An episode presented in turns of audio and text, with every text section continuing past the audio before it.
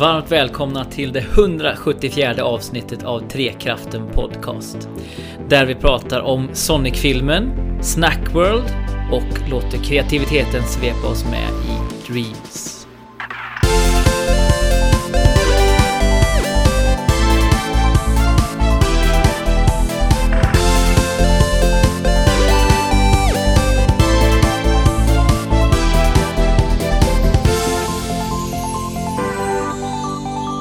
Och vid horisonten stiger fyra spelhelgon upp. Kan vi kalla oss för spelhelgon? Jag vet inte. Självutnämnda. Eller är det mer som sån här... ehm, eh, vad heter det? Grand Canyon där de har de här ansiktena utmejslade på det. presidenter.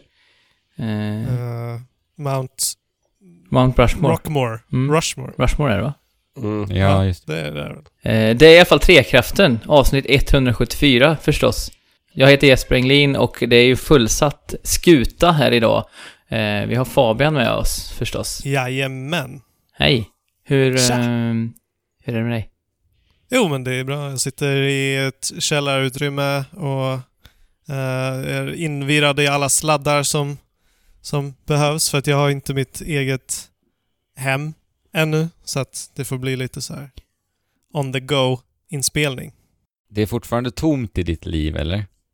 Ja, men, eh, men det är det. Men det börjar ju så, så som smått fyllas upp. Ja, vad härligt. Jag ser lite framför mig hur, Ja. du, hur du sitter Fabian som eh, i Final Fantasy 7 när man träffar på, eh, vad heter den? Genova i en sån här tank med Ja, I en tank. I en tank ett källarutrymme. sladdar liksom in överallt i alla. Exakt. Jo, men jag känner mig lite så också. Ja. Härligt. Vi har också med två stycken eh, berömda halvbrittiska bröder. Och Alex är ju en av den duon, den äldsta brodern i den duon. Jajamän, jag är här idag också. Ja, härligt. Eh, och Andy också, den andra hälften av den skaran.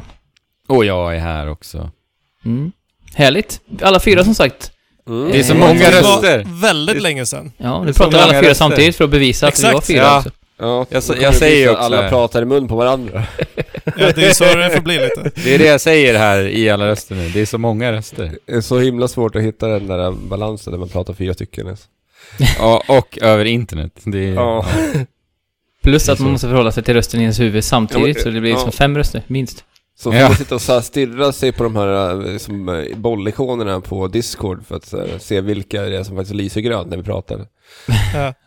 Mm. Men eh, ja, som sagt, avsnitt 174. Vi har lite härliga grejer att götta in oss i. Jag tänker vi börjar i, i eh, filmänden då. Det är inte alltid vi pratar om filmer, men eh, vi har ju faktiskt en hel del film idag att prata om. Och, mm, eller tv-serier kanske snarare ska jag säga, eh, Alex, och för du har fått, ja, sant. Men du har fått span på eh, att Blizzard har gett sig in eh, lite i, eh, i det här med, ja men som vi har sett Castlevania bland annat som eh, produceras i, i tv-serieformat. Och nu verkar Blizzard också vara sugna på att ge sig in. Ja, precis. Vi, förra veckan så, eller förra veckan, jag väl- lär mig aldrig att vi så här varannan vecka vi spelar in podcast nu. eh, men, men i förra avsnittet så pratade vi om The Witcher. Just det. gjorde vi. Och eh, Mm. vi pratade lite om det här att eh, kommer det bli så, eh, eftersom att siffrorna på Witcher 3 som spel hade ökat så extremt hög, mycket efter den här tv-serien så började vi prata om så här, kommer flera vilja ge sig in i det här nu Mm. när de har sett resultatet av The Witcher? Som ett marknadsföringsverktyg helt enkelt. Ja, och som eh, för att, jag menar, eh, CD Projekt Red visar ju verkligen på att man kan hålla ett spel som The Witcher vid liv, som ändå är en, en linjär historia som har ett slut, ett single player-spel. Men det kan ändå vara så aktuellt fem år efter release, vilket är otroligt imponerande. Och det här är ju någonting som såklart Blizzard vill ge sig in i nu. Och de, det känns ju ändå ganska så givet. Så att det läckte ut här i veckan på en, eh, på LinkedIn där det var presidenten, de har någon, eh, någon roll som är någon president of film and TV series på, på Blizzard då. På Blizzard? Ja, Okej. och förmodligen har väl, det, det är väl någon ny titel då som har dykt upp. Men, eh, Jaha, det är det som är grejen, att har till, den här titeln har tillkommit. Ja, och så det, det har Ah. läckt ut på, på LinkedIn av den här personen att de arbetar på två tv-serier. Just Som då ska vara Diablo och eh, en Overwatch-serie. Overwatch känns ju, vi har ju pratat om det, att vi Ja. gärna skulle vilja se det också. Och, eh, Ja, och, Helt och, och det, det har de ju egentligen börjat med mycket, med deras här, kortfilms, eh, ja. kortfilmerna. Ja, men man vill ju se, man vill ju se Blizzards an animatörer gå, ge sig in i det här, men troligen så kommer vi inte få se det. Eh, I början så fick vi se många Overwatch shorts som liksom var animerade och det är ju bland det snyggaste 3D som, Mm. som finns. Eh, men det kostar ju det kostar ju lika bra som, lika vackert som det är liksom. Ja, ja Så att verkligen. troligen kommer vi väl få se liksom lite mer serietidningsstil som vi sett på senare tid när det kommer till Overwatch. Ja, men det, det är ju det det verkar vara, de här två serierna också. De, de, Diablo också. Ja, båda två. Ver, Mm. verkar vara, gå åt det hållet enligt de här ryktena. Alltså att det ska vara mer klassisk gammal eh, så här 2D, 2D-animation liksom. Ja. Så, Det är naturligtvis snorpepp, men Mm. jag känner att det är lite... Alltså, när det väl är Blizzard som ska göra någonting så... men, och då... Och, ja. men, det, men det är också ett väldigt intressant test för så här, visar det här bra siffror? Alltså så här Overwatch eller Diablo som tv-serie så kommer de ju säkert då kommer ju Netflix vilja, vilja vara med på den här kakan och ge, kasta ännu mer pengar. För jag menar, ja. Nu har man börjat sett, eh, det har ju också kommit ut att han, vad heter han, Tormund ifrån Game of Thrones här. Just det. Han har ju blivit castad nu till, han, är, han blev ju en svinstor skådespelare efter Game of Thrones. Ja. Och han har ju nu blivit honom- castad till eh, The Witcher säsong 2 också. Jag trodde, du skulle säga att han, jag trodde du skulle säga att han skulle vara... ehm, Geralt. nej, men... Eh, och tappar namn bara för det. Reinhardt. Jaha, right. Ja, det hade varit gött. Så ja, det, det, det är ju väldigt kul att se att det, de, de testar flera, flera spelserier i det här tv-serieformatet. För jag, jag tror att det här alltså, är en, en stor del av framtiden, där vi kommer ha liksom eh, Integrerade, eller över... Överlappande, Medieöverskridande. eh, Ja, serier precis. som- ja. Och det känns väl, vi kommer ju prata om Sonic-filmer senare också, och det känns väl som att så här, där det förut var lite så här, ja men nu ska vi marknadsföra, lite som jag sa förut, nu ska vi marknadsföra den här, eh, det här spelet eller den här leksaksserien med en film eller en tv-serie, och så var det kanske med utgångspunkt i det lite cyniska Ja. synsättet. Så känns det nu som att många av oss som har växt upp med spel genuint liksom brinner för att få göra eh, andra medier kring spel också, så att det blir Exakt. kanske lite mer ur en Det är eh, mycket mer genuin- kärlek. Mm. Ja. Ja, men vi alla har väl så här drömt om att få se en snygg film av våra favoritserier. Precis, en Zelda L- liksom hela en film eller Zelda... Ja. Ja, jag vet att Fabian har ju berättat om det här den här gången när, jag tror det var IGN som läckte ut en eh, Zelda-trailer. Det- ja. jag tror att vi har dragit den i podden någon gång, men hur hypad och hur du... Det var väl din, din Jag bror var som så lurade dig på det här. snorhypad. Jag, jag var hemma hos dig eh, när du bodde tillsammans med min bror. Ja, men då Eh, var tror jag jag... till och med. Och han bara visade den. Jag bara oh my god. Så här tappade hakan. Sen så fattade jag inte det och ville inte tro på att det var så här i Det var april. För det Aprilskämt. va? slutade med... Och då, ja. Den här trailern, som fake-trailern, Det var ett slutade aprilskämt. med att det var... Att, det kom upp typ release in April. Och det var ju bara så här. Nej men där det, var det det släpptes väl, det var väl ett aprilskämt eller? Var det Ja. inte det? Ja! Så enkelt! Men, eh, ja, vi får se då som sagt om den här spaningen från Alex, som vi verkar instämma i, stämmer om några år. Vi återkommer till den spaningen om tre år och ser om, vi, om den blir korrekt. ja, eller så kanske det blir en stora trenden det här året, där vi så här, i slutet på året har vi haft massvis av tv, nya kontrakt som har skrivit. Jag tror att det kan Ja. fort där.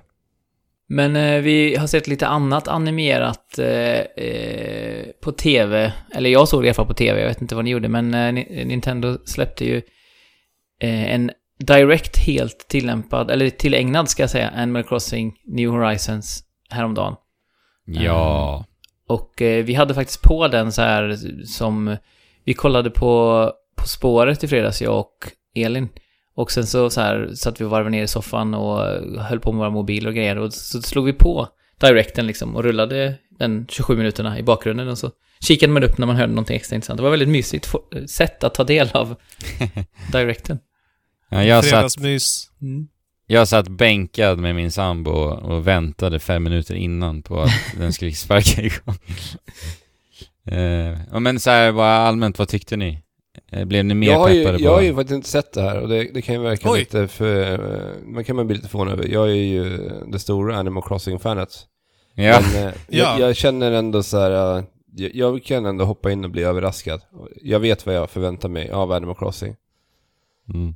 Ja, Eh, men jag, vi kan ju bekräfta så här att det, det kan du göra rätt i.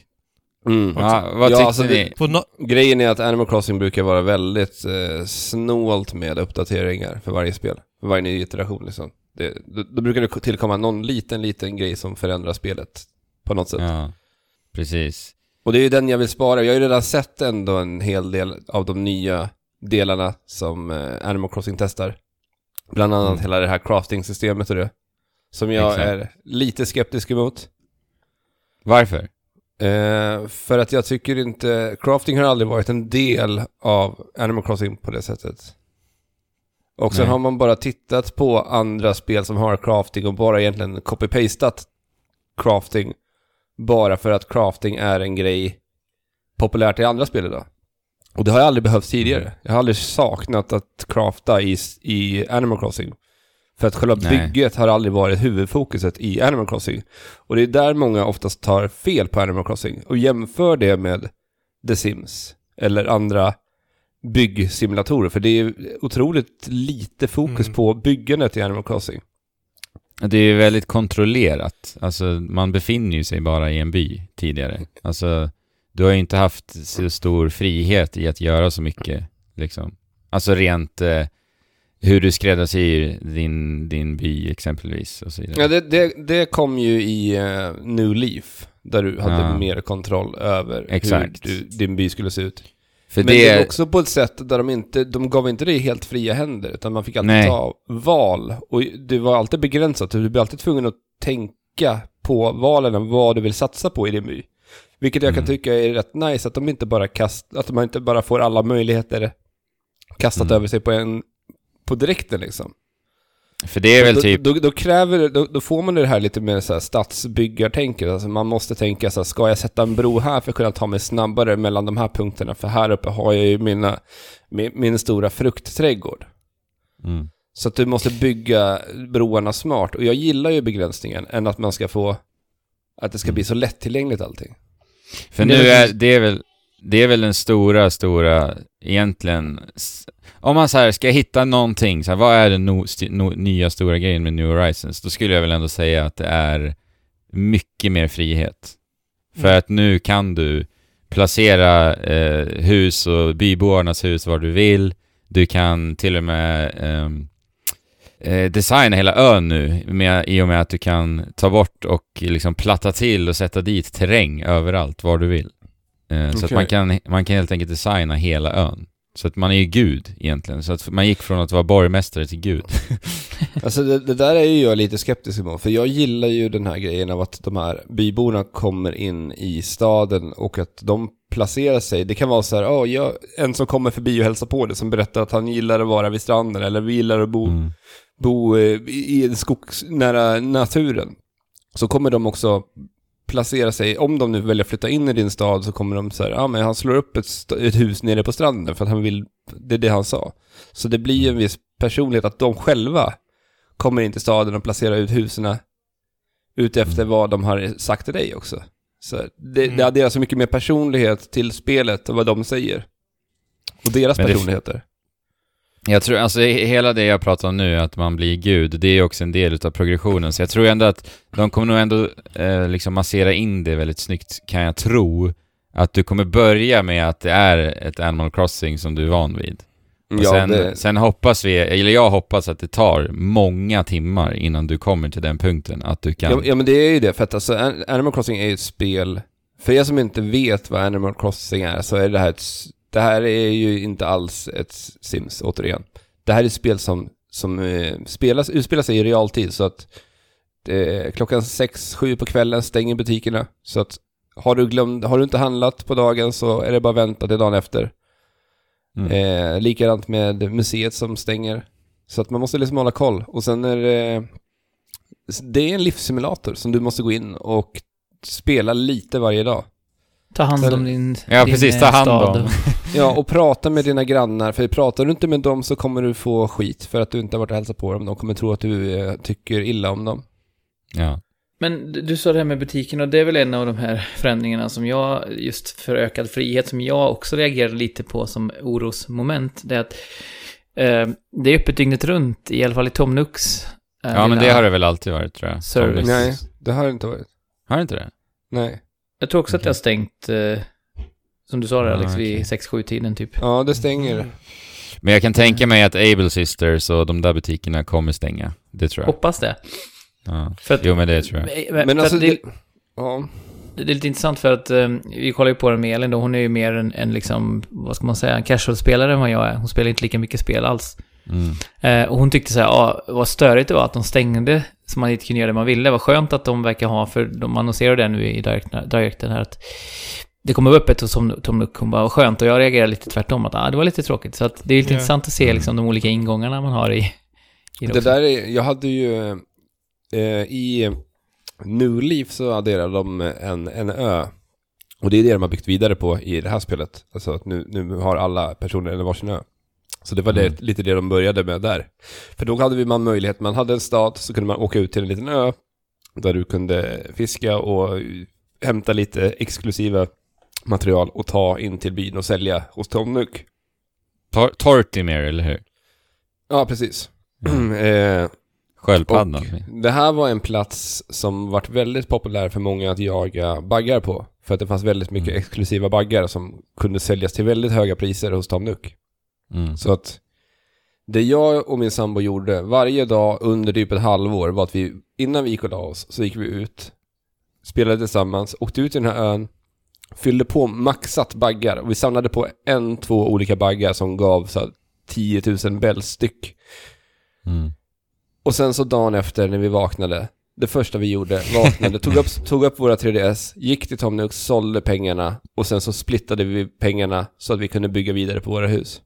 Mm. Och den grejen, om, om de nu har öppet hela tiden så försvinner ju där. Alltså här, jag, jag längtade ju då till att varje morgon gå upp, göra de här sysslorna. Mm. Alltså att det vart den här dagliga rutinen, för det är det som är Animal Crossing för mig, att det finns en rutin. Som så här, Mm. de här sysslorna jag behöver göra varje dag. Och anpassa Ja. mig efter, eh, efter tiderna. Det blir ju mindre en simulator och mer ett spel när allting... Ja, för det, så, så som det låter nu är ju... Det här är ju en spelserie som har, har varit väldigt nischad till en viss typ av spelare. Och nu har ju Animal Crossing fått rätt mycket mera eh, rampljus i och med både mobilspelet och Smash Smash-besöken. Så att det känns ju som att de har försökt förenkla spelet.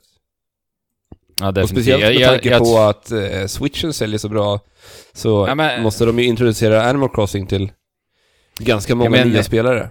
Men allt det här du säger, det är ju definitivt, det kan jag ju se i den här directen. Men alltså, jag ser också en balans. Alltså för att de, de, eh, man märker verkligen att de tar hand om både riktigt trogna fans och Mm. de gör det mer lättillgängligt. För att det finns så jäkla mycket grejer fortfarande som jag är ganska övertygad om att inbitna fans går i taket över. Mm. Eh, Så att jag tror verkligen att du fortfarande kommer ha den där känslan. Att eh, varje dag behöva gå in. Eh, så att jag tror att simulator-delen håller de ju verkligen fast vid. Men, och att de ger ju dig fortfarande en väldigt mycket större frihet. Alltså jag tycker, jag har ju inte spelat Animal Crossing sen GameCube-spelet. Det är ju det enda jag Fast- har spelat. Jag köpte ju en, eh, jag köpte ju, vad heter det? City En Wii till dig. Och så Ja. köpte jag ju Let's Go to the City till dig. Och det var ju första gången de introducerade staden. Ja. Men jag spelade det typ två timmar eller någonting. Jag, fast, jag fastnade inte alls för det spelet faktiskt. Jag minns inte varför. Jag tror det var för att jag spelade för mycket 360 då. Vi spelade ju en del i alla fall vet jag. Och vi testade staden och... För det var ju, det var ju så himla häftigt det där spelet. Jag har så jäkla svaga minnen av det spelet alltså. Jag minns typ ingenting från det. Eh, men eh, jag, i alla fall, jag har ju inte varit så här peppad på ett Animal Crossing uh, sen, sen GameCube-spelet liksom. Jag tycker att det ser helt fantastiskt ut. Och jag gillar ju friheten. Jag tycker att se hur, man fick ju se lite glimtar på hur folk har designat sina öar. Eh, vad som såg ut att vara väldigt långt in i spelet. Och jag bara så här dreglade över hur mycket man kan göra och hur fint man kan göra det. Alltså spelet är ju, det är så fint så att jag... Det är så fint. Men, men det är det där som jag, jag, jag tyckte ju att, alltså i New Leaf så var, var det också folk som hade gjort helt galna grejer i, i deras städer.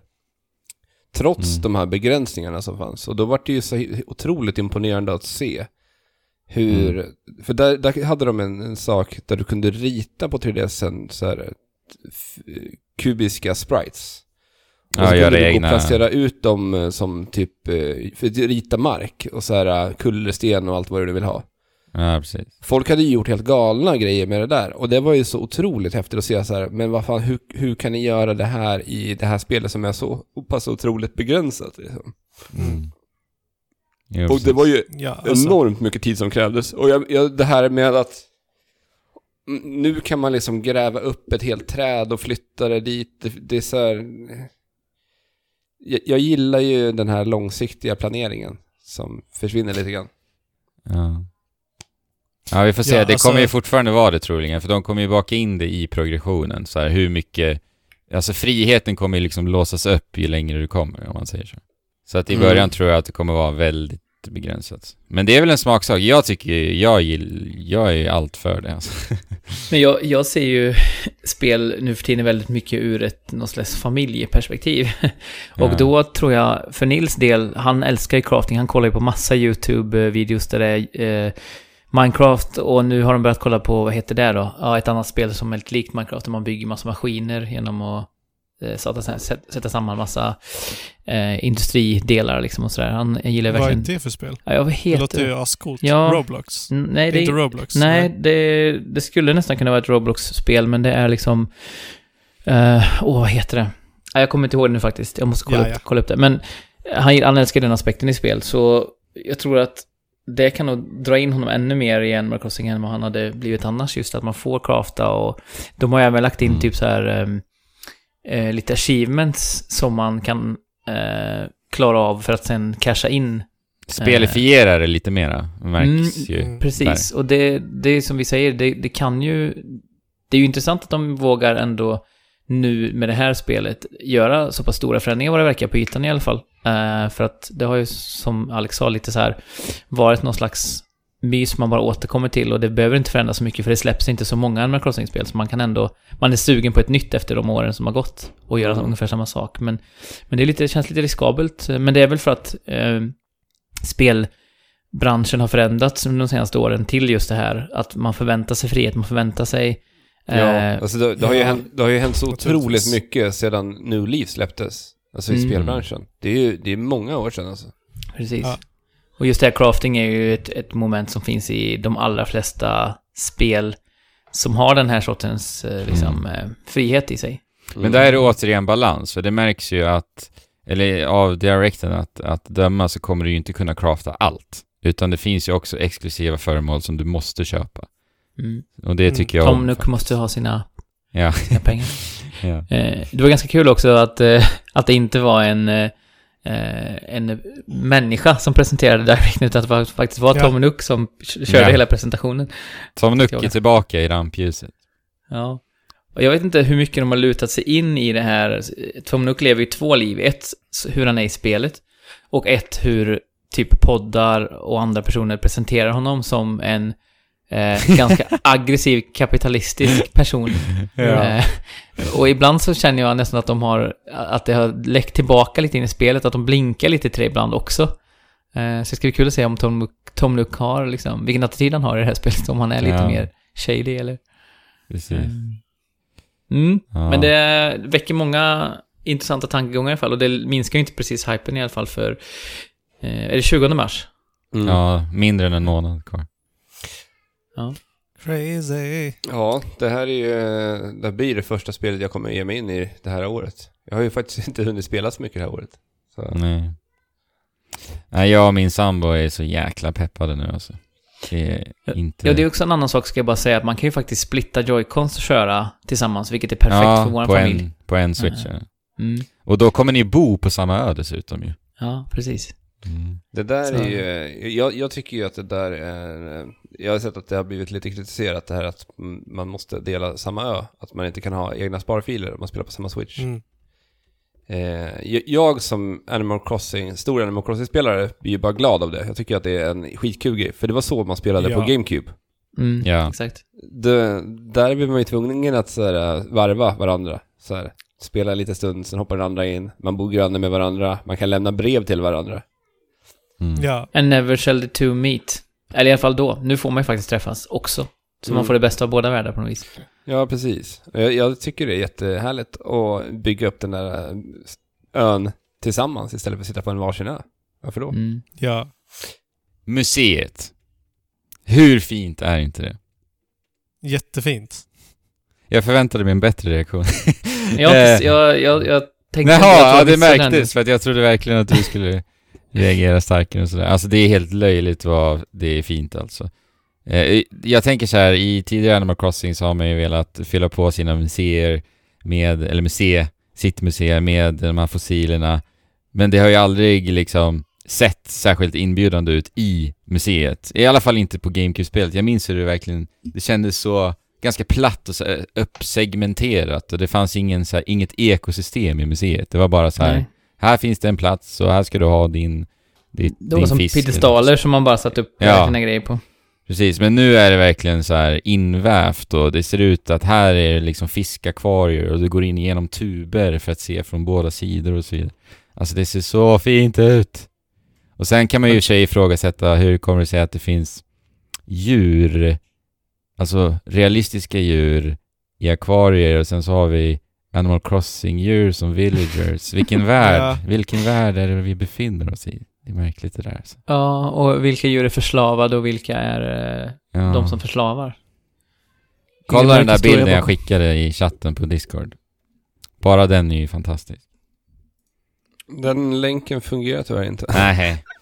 Jo, jag, jag får ett jättesnyggt omdirigeringsmeddelande. Det ser jättemysigt ut. Ja. Ja, okej. Här ska vi Ja. se. Nu kan jag se den, tror jag. Nej, det kan jag inte. Sen Nej. ser det ju bättre ut i rö- rörelse såklart. Det är inte ofta man lyckas med en, Ja, ja. en misslyckad länkdelning där. Det är imponerande. Snyggt. Mm. Ja, nej men eh, min Nej, man får titta min- på det. pepp är i alla fall väldigt stor. Eh, Doom Eternal kommer ju samma dag. Och jag känner mig verkligen i en sån period där jag inte vill ha, eh, vet du det, adrenalinpumpande spel just nu. Så att Animal Nej. Crossing kommer väldigt lägligt. Men det är också på ett sätt den helt perfekta varvningen av två spel. Ja, precis. Man det kan varva kanske, dem. de slår ut varandra liksom. Ja, och det är på olika plattformar, det är fullständigt olika genrer, olika tempo, olika känslor. Så det känns som att så här, man kan spela de två spelen om man vill och orkar, eh, Mm. omlott. Precis. Har ni, har ni sett de här internetbilderna som fans har ritat på Doomguy och Isabelle? Att de är bästa kompisar och liksom... Ja, det är så fint att se de två communities eh, bli vänner alltså. På det sättet. Ja, jättefint. Vi kanske får se en så här eh, Doomguy-hjälm eh, som en, ett Easter egg i eh, New Horizons. Ja, det kommer ju vara påsk... Det kommer ju vara påskevent på släppdatumet också där. Mm. Kanske blir ett påsk... Vad var de kallade det? Bunny... Bunny Day någonting va? Bunny Mm. Days, typ. Och du, vad, det också. Alex, vad tycker du om det här? Jag måste fråga dig, du som som sagt är vårt Animal Crossing eh, person här. Eh, du vet eh, alla event, så Halloween och jul och påsk och så vidare. Mm. De kommer nu vara knutna till uppdateringar. Så att de kommer inte finnas på liksom kassetten från dag ett. Det där gjorde de lite i, eh, i New Leaf också. Okej? Ni, ni kommer ihåg när de släppte en uh, jätteuppdatering till eh, New Leaf? Ja. Ja. För några år sedan. När de, det, jag tror att det var runt mobilspelsläppet där. Ja, just det. Jo, men det minns jag nog. Då gjorde de ju om massa sånt där med massa nya event hit och dit och allt vad det nu var. Mm. Så att det, är- det är någonting de har testat lite grann med så här tidigare. Men vad är anledningen till det? Att de gör så? Alltså det är många Animal Crossing-spelare som har fuskat och Mm, eh, ställt om tiden på 3DSen för att spola fram till Halloween och jul och så vidare. Mm, just det, så har man kunnat göra ja. Mm. Ja, så att det är för att undvika det. Och jag tycker det är bra. Alltså för att då slipper man ju I och för sig så är inte det så att jag nödvändigtvis skulle bry mig om andra gör det. Men, men det blir också en mer känsla av att det verkligen är exklusivt när det, Det händer. känns ju Ja, Konstigt det att- händer samma tid för alla. ja. Det känns ju väldigt konstigt att de inte har löst det, att, det, att spelet liksom har en egen separat klocka på något sätt. Istället för att kunna Mm. manipulera tiden via att bara gå in i konsolen och vrida Mm. tiden därifrån. Mm. Det känns som att det måste kunna lösas på annat sätt än att den ska Mm. liksom förlita sig på Switch-klockan. Ja, alltså idag skulle du ju kunna titta i spelet. Det kanske den gör, eller? Vet vi Jag vet hur det inte. funkar? För att det, det, har ju inte gjort det tidigare. Som Andrew säger, man har kunnat liksom gå in och vrida klockan. Sen har Nej, så precis. Men det hade ju med tekniska begränsningar att göra och Ja. att bara att det- man kunde tracka tiden var en stor grej när det kom. Mm. Men det jag tänker också är att det ger ju dem mera utvecklingstid till att göra de Ja, här precis. speciella, verkligen. Så att ja, de sen hinner de ju liksom så här, de, de hinner ju ta in massa siffror hit och dit på att se vad folk gillar och verkligen kunna så här, formdesigna det utefter spelarnas eh, behov och vad de Ja. ser att spelarna gillar. Så att jag, Ja. jag tycker sen- bara det är kul och sen bli, att kunna bli överraskad för annars kan du sitta och Ja, bläddra i den här kalendern ett, ett år fram och sen ser du, okej det här är allt som kommer hända. Ja. Då kommer det inte bli en chocker när du liksom är där i, eh, kanske i september och det kommer ett roligt event som du Nej. ändå redan vet om. Men om det Exakt. kommer en uppdatering där i september som säger nästa vecka kommer det här. Och då säger man, då blir man lite så här, wow, spännande. Vad är det här för något roligt event? Mm. Mm. Och då kommer ju jul det här året kommer nödvändigtvis då inte heller vara exakt likadant nästa år. Liksom. Nej, de kan ju Nej, göra om precis. det. Ja. Och det, det är ju någonting som kan vara lite tråkigt i de tidigare Animal Crossing-spelarna. Ja. Att eventerna är lika när man spelar år in och år ut liksom. Ja. Precis. Och det här känns ju verkligen som ett spel som eh, kommer att uppdateras frekvent. Alltså det är ju det är en stor jädra titel. Alltså. Så, ja. Mm. Spännande. Det är inte långt kvar som sagt va. Mer Animal Crossing New Horizons Riktigt pepp. kommer Ja. vi att prata. Verkligen. Och flera antropomorfa djur kommer vi också prata om just nu. Eh, Just för att eh, för alla oss som sedan eh, Mega Drives dagar har gått och suktat efter att få se Sonic i gloriös eh, eh, animation. Får jag har äntligen fått vårt lystmäte. Sonic the Hedgehog-filmen har släppts. Och eh, det har alltså blivit eh, den bäst, snabbast säljande biofilmen eh, vad gäller en sp- spelfilm någonsin. Och dessutom eh, faktiskt en av de bästa filmerna eh, på senare år vad jag förstår på just eh, Är det så? öpp- öppningshelg. Är det så?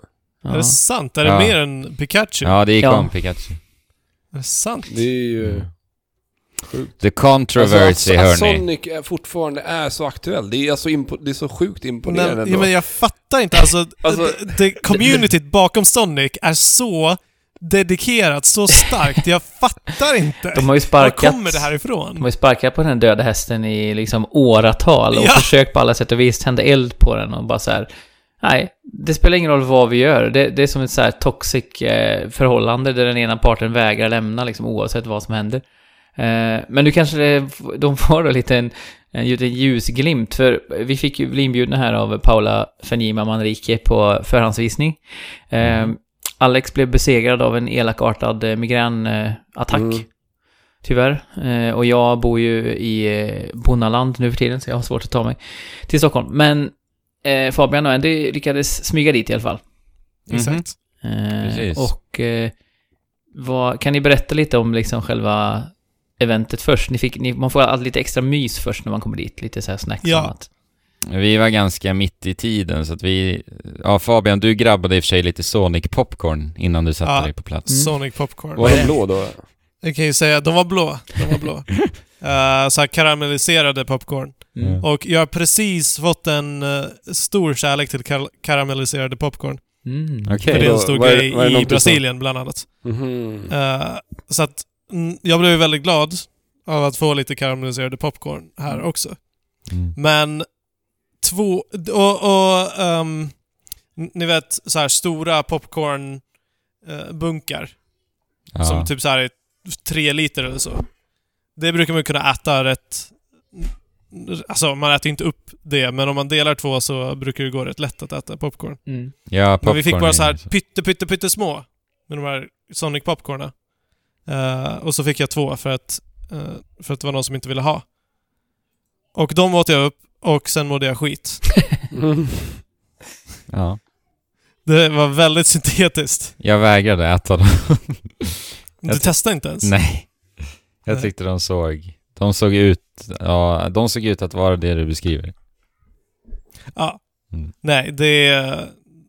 De, de var goda. Och det var väl avvägt att ha dem i de där små burkarna. Mm. Men eh, popcorn är inte det som är intressant med det här eventet. Nej. Riktigt. Sen satte vi oss Eh. ner och väntade på att filmen skulle börja. Och eh, när filmen började, jag minns Fabian, du sa ju innan, jag undrar om de kommer köra Sega. Ja. Eller du sa att du såg fram emot att höra det.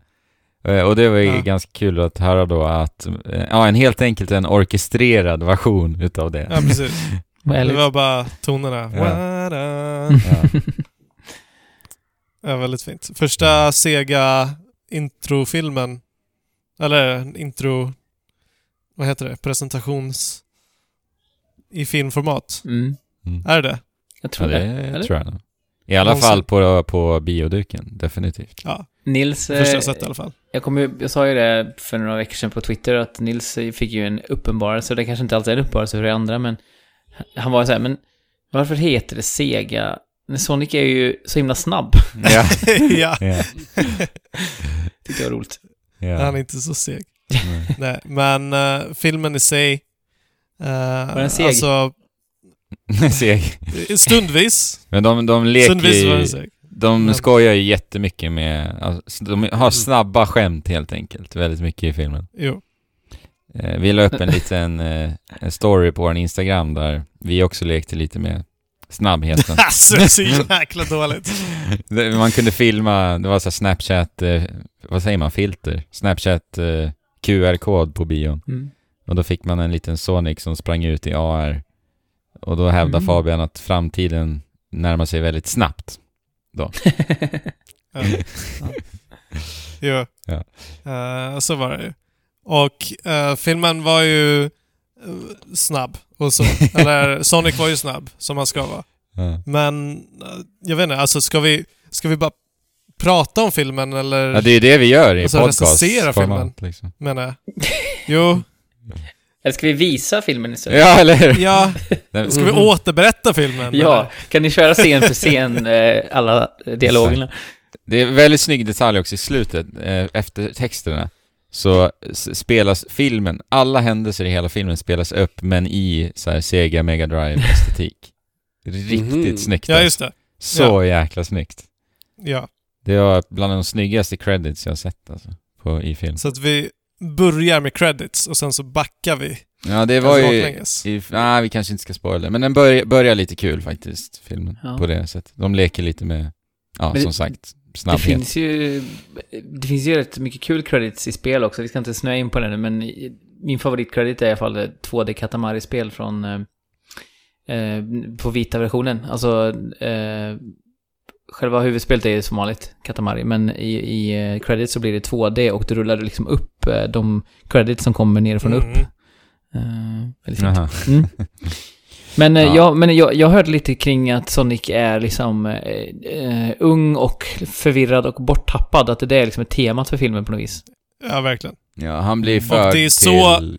Det är så de har motiverat att typ halva filmen, eh, även fast Sonic är snorsnabb, utspelar sig i en bil. Ja, Mm. men han Varför behöver då? ju... Eller- Han För För behöver att han inte vet var han ska åka. Jaha. ja. Han vet inte var han ska springa. Han skulle han bara här toksnabbt irra runt överallt utan att veta vart han ska. Jo, Ja, men alltså... och det, det kan man ju tänka sig hade funkat eftersom att han springer runt hela jorden på några minuter. Ja men det är ju en film som går att slå ned med logik på alla sätt Ja. och vis. Men det är inte det den här filmen är. Alltså det handlar om en blå igelkott som Ja. eh, pratar och är svinsnabb. Jag känner att det, redan där så precis. brister det lite om man ska gå Alltså- med den approachen. Ja, Det är ju en familjefilm liksom. En, exakt. Liksom generisk, ganska klyschig. Eh, det bästa jag tyckte med filmen var Dr. Robotnik, Jim Carrey. Tveklöst. Utan tvekan. Mm. Eh, härligt att se Jim Carrey. Det var väldigt länge sedan jag såg honom Jag i tycker, en sån här roll. alltså det, det, det här är ju en så här klassisk så här, Jim Carrey, tidiga Jim Carrey. Så här, jag tänker Ace Ventura-tiden. Att Ja, han Ja, har inte det- kört den rollen på väldigt länge nu. nej. Och det påminner väldigt mycket om den gamla Jim Carrey som var det- så väldigt stor och berömd. Det är verkligen 90-tals Jim Carrey i sitt esse. Det märks att så här, Ja. han har fått fria tyglar. Bara vad, vad 90-tals Jim Carrey bara. alltså, Ja. och det märks att han improviserar ganska mycket faktiskt, hur han spelar. Ja. Och det är, alltså Och- han är fantastisk i den här filmen faktiskt. Och Dr. Robotnik, liksom i Sonics universum så har man inte riktigt fått någon vidare relation med Eggman Nej. överhuvudtaget. Han är bara ond och vill, vill kidnappa alla djur eller vad det nu är. Mm. Eh, men här får man liksom... Han får ju en helt annan personlighet än vad som har funnits tidigare. Mm.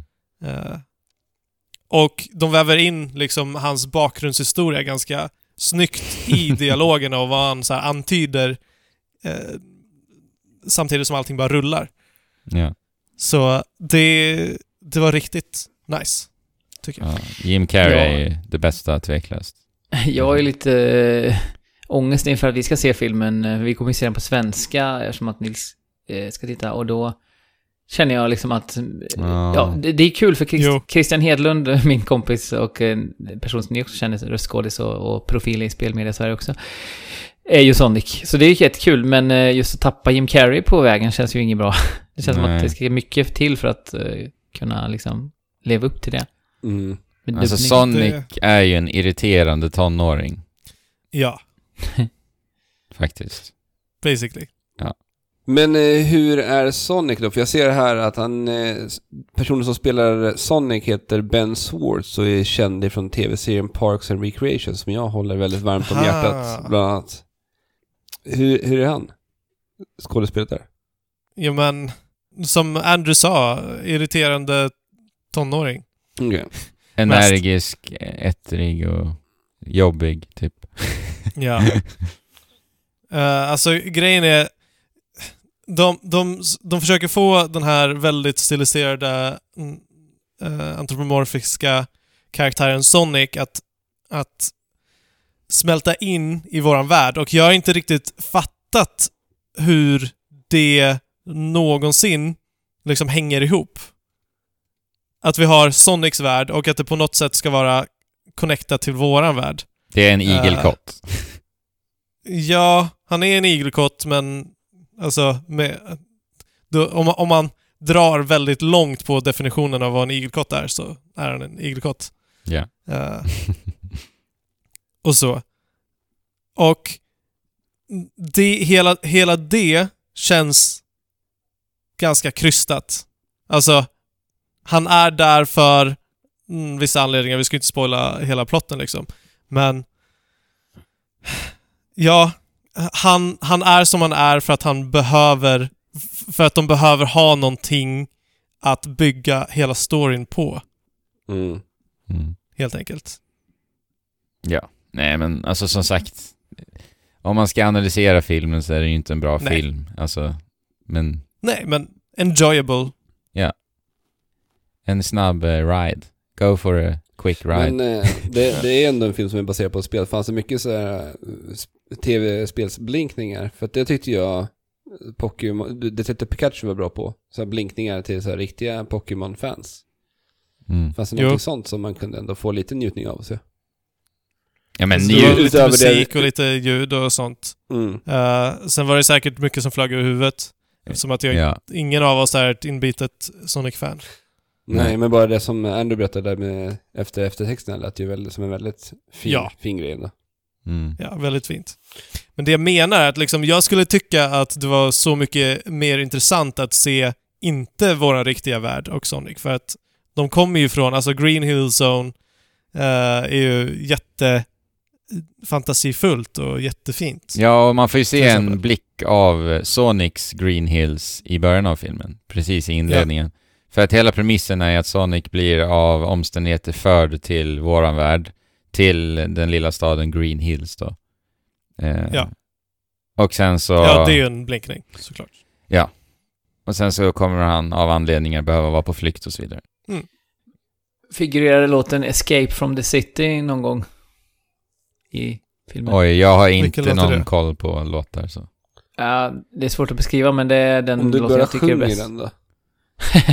det, finns, Din- det finns faktiskt en, eh, en lyrics-version eh, med Escape from the City på, på Spotify om man söker. Eh, jag, kan, det, jag, jag vet inte, jag får ingen grepp om den. Jag kan inte riktigt nynna Mm, heller. Mhm. Ja, man får Det höra... är en Sonic-låt eller? Ja, från, Från- Sonic 2 tror jag kanske. Den enda låten jag kunde koppla i filmen var just Green Hills-låten. Mm. Som är så bra. Du, du, du, du, du, du, du. Men det, det Ja. är mycket bra Ja. musik i gamla Sonic-spelen faktiskt. Verkligen. verkligen. Otroligt bra. Ja, nej men en lättsam Ja. familjefilm helt enkelt. Eh, Jag får väl ändå säga att den var bättre än vad jag trodde. Alltså på förhand. Ja. Speciellt när man med alla kontroverser där i början och Sonics design och så vidare så var den definitivt eh, bättre än jag trodde. Ja, men tack och lov att de ändrade designen. Ja. Det, ro, det roliga är Och- ju att de har uttalat sig om det där att designersen hade ju ungefär den här designen som eh, Sonic slutgiltigen fick från början. Men det var någon executive eller någon som gick in och tyckte att nej, vi måste separera det från spelen mer. Vi måste göra en egen design Ja. Mm. från någon ny Jo. målgrupp. Och så fick de göra om allt igen. Eh, ja, för till och med Sega eh, i Japan tyckte att den, den designen som de tänkte köra på var hiskelig.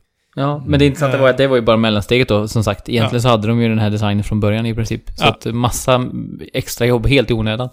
Mm. Ja, fem miljoner dollar kostar det eller något. Oj. Att göra om. Shit. Ja.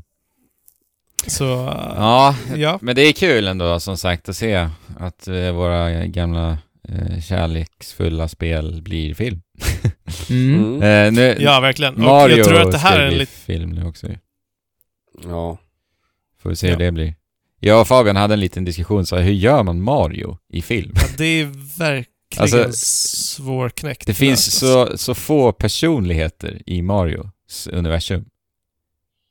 Alltså vad, vad har vi för Ja. personligheter liksom? det är Vi har nästan ju ingenting. Toad som, Toad Ja, som kan Toad. skrika med gäll röst. eh, Ja. Vi har Waluigi som kan vara lite sådär eh, diffust, eh, otäck, lite, nä, nästan lite pervo, pervo-känsla över honom. Ja. Vi Men har- vad gör finns- Mario liksom? Vad gör han? Ja, Han är vad gör glad. han? Han är glad. ja, han är glad. han är bara glad och säger joho. ja. Jag kom bara att tänka på det här Super Nintendo World när nu pratar Mario. Har ni, har ni Mm. sett de här senaste videorna på reklamsnuttarna? För det ska ju öppna Nej. här i år. I, Mm. eh, Ja. i I Osaka. sa- samband med OS va? Ja, ja, precis. alltså det ser ju helt otroligt ut de här bilderna. Alltså att få gå runt. Mm. På tal om det Andrew sa, så här, um, våra spelserier får lite kärlek. Det här är ju verkligen det alltså. Så här, gud vad man vill till Super Nintendo World. Ja, herregud. Det, här, herregud. det, det ser så otroligt mysigt ut. De har gjort en liten trailer med en Charlie Ja. XCX-låt snurrandes i bakgrunden. Så, nej, jag, gud, jag, jag vill dit. Jag måste till Osaka bara Ja, för att traska runt Vi här. måste ju dit. Ja. Vi måste planera någon resa till att åka till Japan och... Vi Ja, får, det- köra, vi får köra en, eh, en, vad heter det, um, Kickstarter. Skicka oss till... Mm. eh, Ja. Och, sen får vi ha det. som stretch goal så att vi ständigt livestreamar på plats liksom. 24 timmar om dygnet. Ja. Absolut. Eh, men man kanske rent av skulle kunna säga att det är en dröm för oss att få åka till eh, Super Nintendo World. Ja, det är ju faktiskt. verkligen. Ja, det Eh, är det. Och vi har ju fått ta del av eh, andra drömmar på andra plattformar. Playstation 4, i alla fall jag och Andrew. Jag tror att det är bara jag och Andrew som har spelat Dreams, va? Mm. Stämmer. Jag har ju följt Dreams sen eh, Early Access i, eh, jag sa ju det förra avsnittet, och kollat på vad folk har gjort sen det släpptes i somras i Early Access. Vad har varit din favorit eh, skapelse så här långt? Eh, nej men in, jag sa, berättade förra veckan att det här avatarspelet på förhand så var helt sjukt imponerande. Det är alltså en snubbe som suttit och gjort ett avatarspel.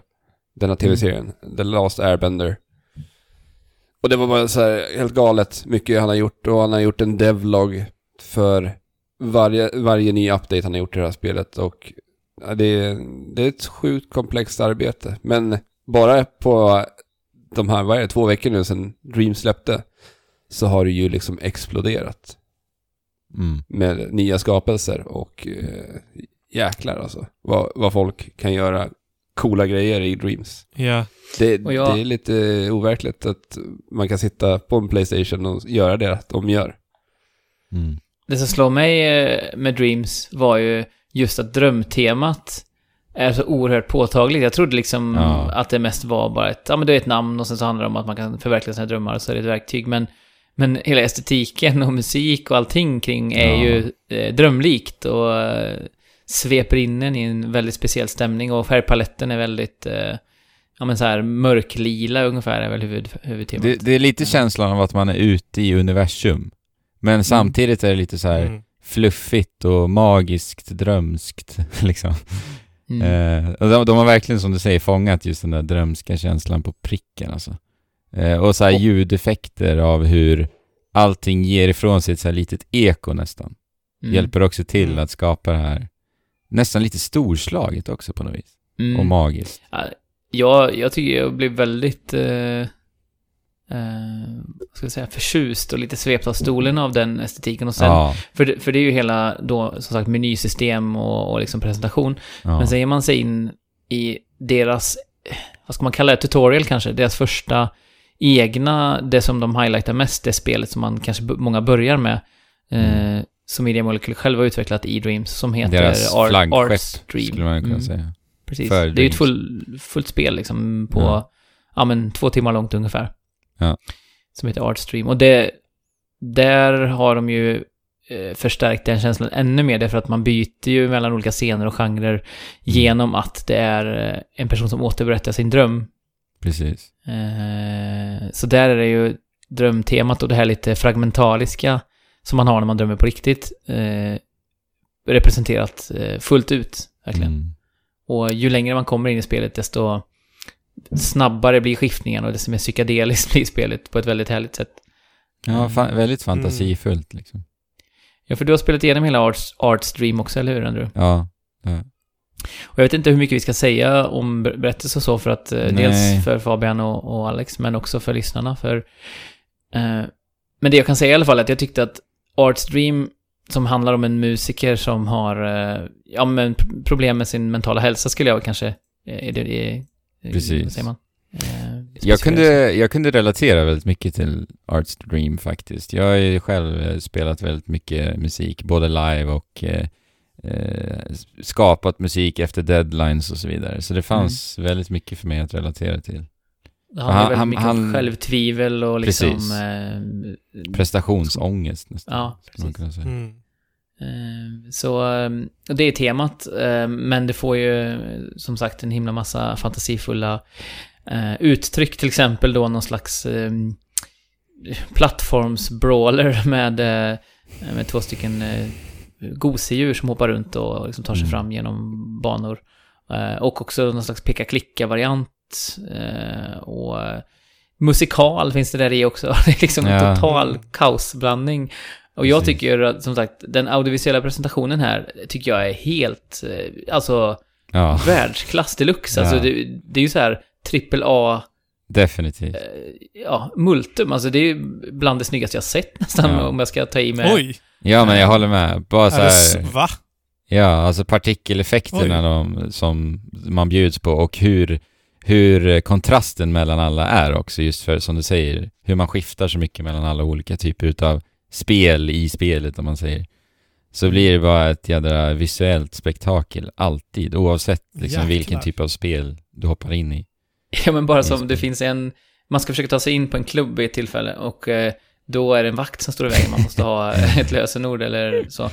Eh, och då, då urartar det i någon slags så här 90 eller 80-tals kanske rap eh, Ja, show där eh, vakten multipliceras med sig själv och börjar så här, alltså det, det kändes mer som att jag spelade ett eh, eh, Parappa the Rapper-segment Precis. plötsligt. Ehm, ja, Ja, det är just den här kreativiteten som bara Mm. sprutar ut ur Arts Dream är ju underbar att ta del av. ja. Oh my god. Allting du gör är någonting vitt skilt ifrån det du gjorde innan liksom. Alltså det är... Mm. De, det märks att de, de demonstrerar verktyget så sjukt bra i och med det också. För Det, det är det, verkligen- det låter som att de har tagit vidare det när de började med Little Big Planet förut. Eh, Mm. För det, det var ju också en så här, eh, så kände jag när jag spelade det första Little Big Planet. Det var ju det som fick mig att köpa en Playstation 3 när det begav sig. Mm. Just det spelet. Eh, men det, det upplevde jag också bara en så här lång inspiration. En så här, vetskapen om att de här utvecklarna har gjort allt det här, hela, hela det här spelet i sin egna editor. Mm. Mm. var ju så otroligt imponerande. Och då så gick man där och bara fick inspiration. Jaha, man kan göra så här, man kan göra så här. Ja men det sjuka med Artstream, det är det Jesper sa, alltså såhär AAA-nivå på, på hela paketet, Mm. det är att man, Ja. glö, man glömmer bort att spelet har gjorts i Dreams när man Och spelar. det står ändå Ja, hela det tiden. är det mest galna. Ja, och det står hela tiden ja, nere i högra hörnet. Mm. Men, eh, för jag tycker, eh, som sagt, audiovisuell pres presentationen är liksom, eh, ja, Ja. felfri nästan. Helt, Ja. helt magalöst bra. Eh, Medan jag tycker att eh, gameplayet är liksom så här bra, eller så här, ja, det, det, det gör det det ska, typ, Mm. tycker jag. Jag håller med, det är- Eh, Nej men det, är inte, precis. det är inte superkul att spela själva spelet liksom. Det är Nej. inte som att man njuter av, av att kontrollera det, men man njuter av att få ta sig vidare och se vad som händer. Exakt, det är det som engagerar en liksom. Eh, Men det som är, ja, det som är uppmuntrande är att eh, det spelar ju ingen roll egentligen. För om någon annan fokuserar på eh, i Dreams på att bara eh, koncentrera sig på gameplay så kan man ju det. Alltså det är det som är så himla Ja. häftigt i Dreams att det här var en fantastisk upplevelse som nästan är värd pengen självt. Eh, och sen så finns det en hel värld. Jag har inte hunnit, jag har testat typ två, tre andra spel bara eh, som folk Mm. har gjort. Men det finns ju redan en helt nästan oändlig sjö att ösa ur om man bara är intresserad av att spela andras kreationer också. Mm. Mm. Ehm, Ja, men det är kul och, för att hela spelet är uppdelat i två olika delar egentligen. Det ena är, är då dream surfing och det är då du spelar andras kreationer och sen är det dream shaping där du skapar själv. Och när man liksom fipplar runt i dream surfing så är det intressant nu i början att se att det är så sjukt många spel som inte är färdiga. Så att när du hoppar in och surfar, dream, drömsurfar nu, så är det ganska svårt att hitta faktiskt färdiga spel. Och då är det så här fint också att se hur användarna som har skapat de här grejerna så här lägger ut lite skyltar eller lite meddelanden under så här titelskärmen att så här, ah, vad kul att du är här och testar, vad, kom ihåg att det bara är en alfa än så länge liksom så här, så man är medveten om Mm. utvecklingen och så vidare. Och det gör ju att man tar sig ner till den nivån, att man förväntar ju sig inte heller då att det ska vara ett liksom färdigt spel. Men då är det också så fint att se liksom detaljerna och arbetet de har lagt ner på spelet, även fast det är långt ifrån klart liksom och ge dem lite feedback och så vidare. Har Och de typ- något sånt bra system för att det Ja, kommunicerar med varandra?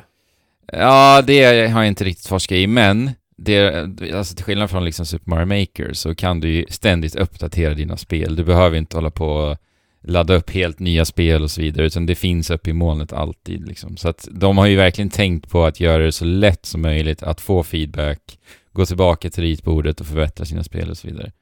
Så att där har ju, jag kände direkt så jäkla jäklar vad Super Mario Maker har att lära ifrån Dreams, bara av känslan av communityt, om man säger så.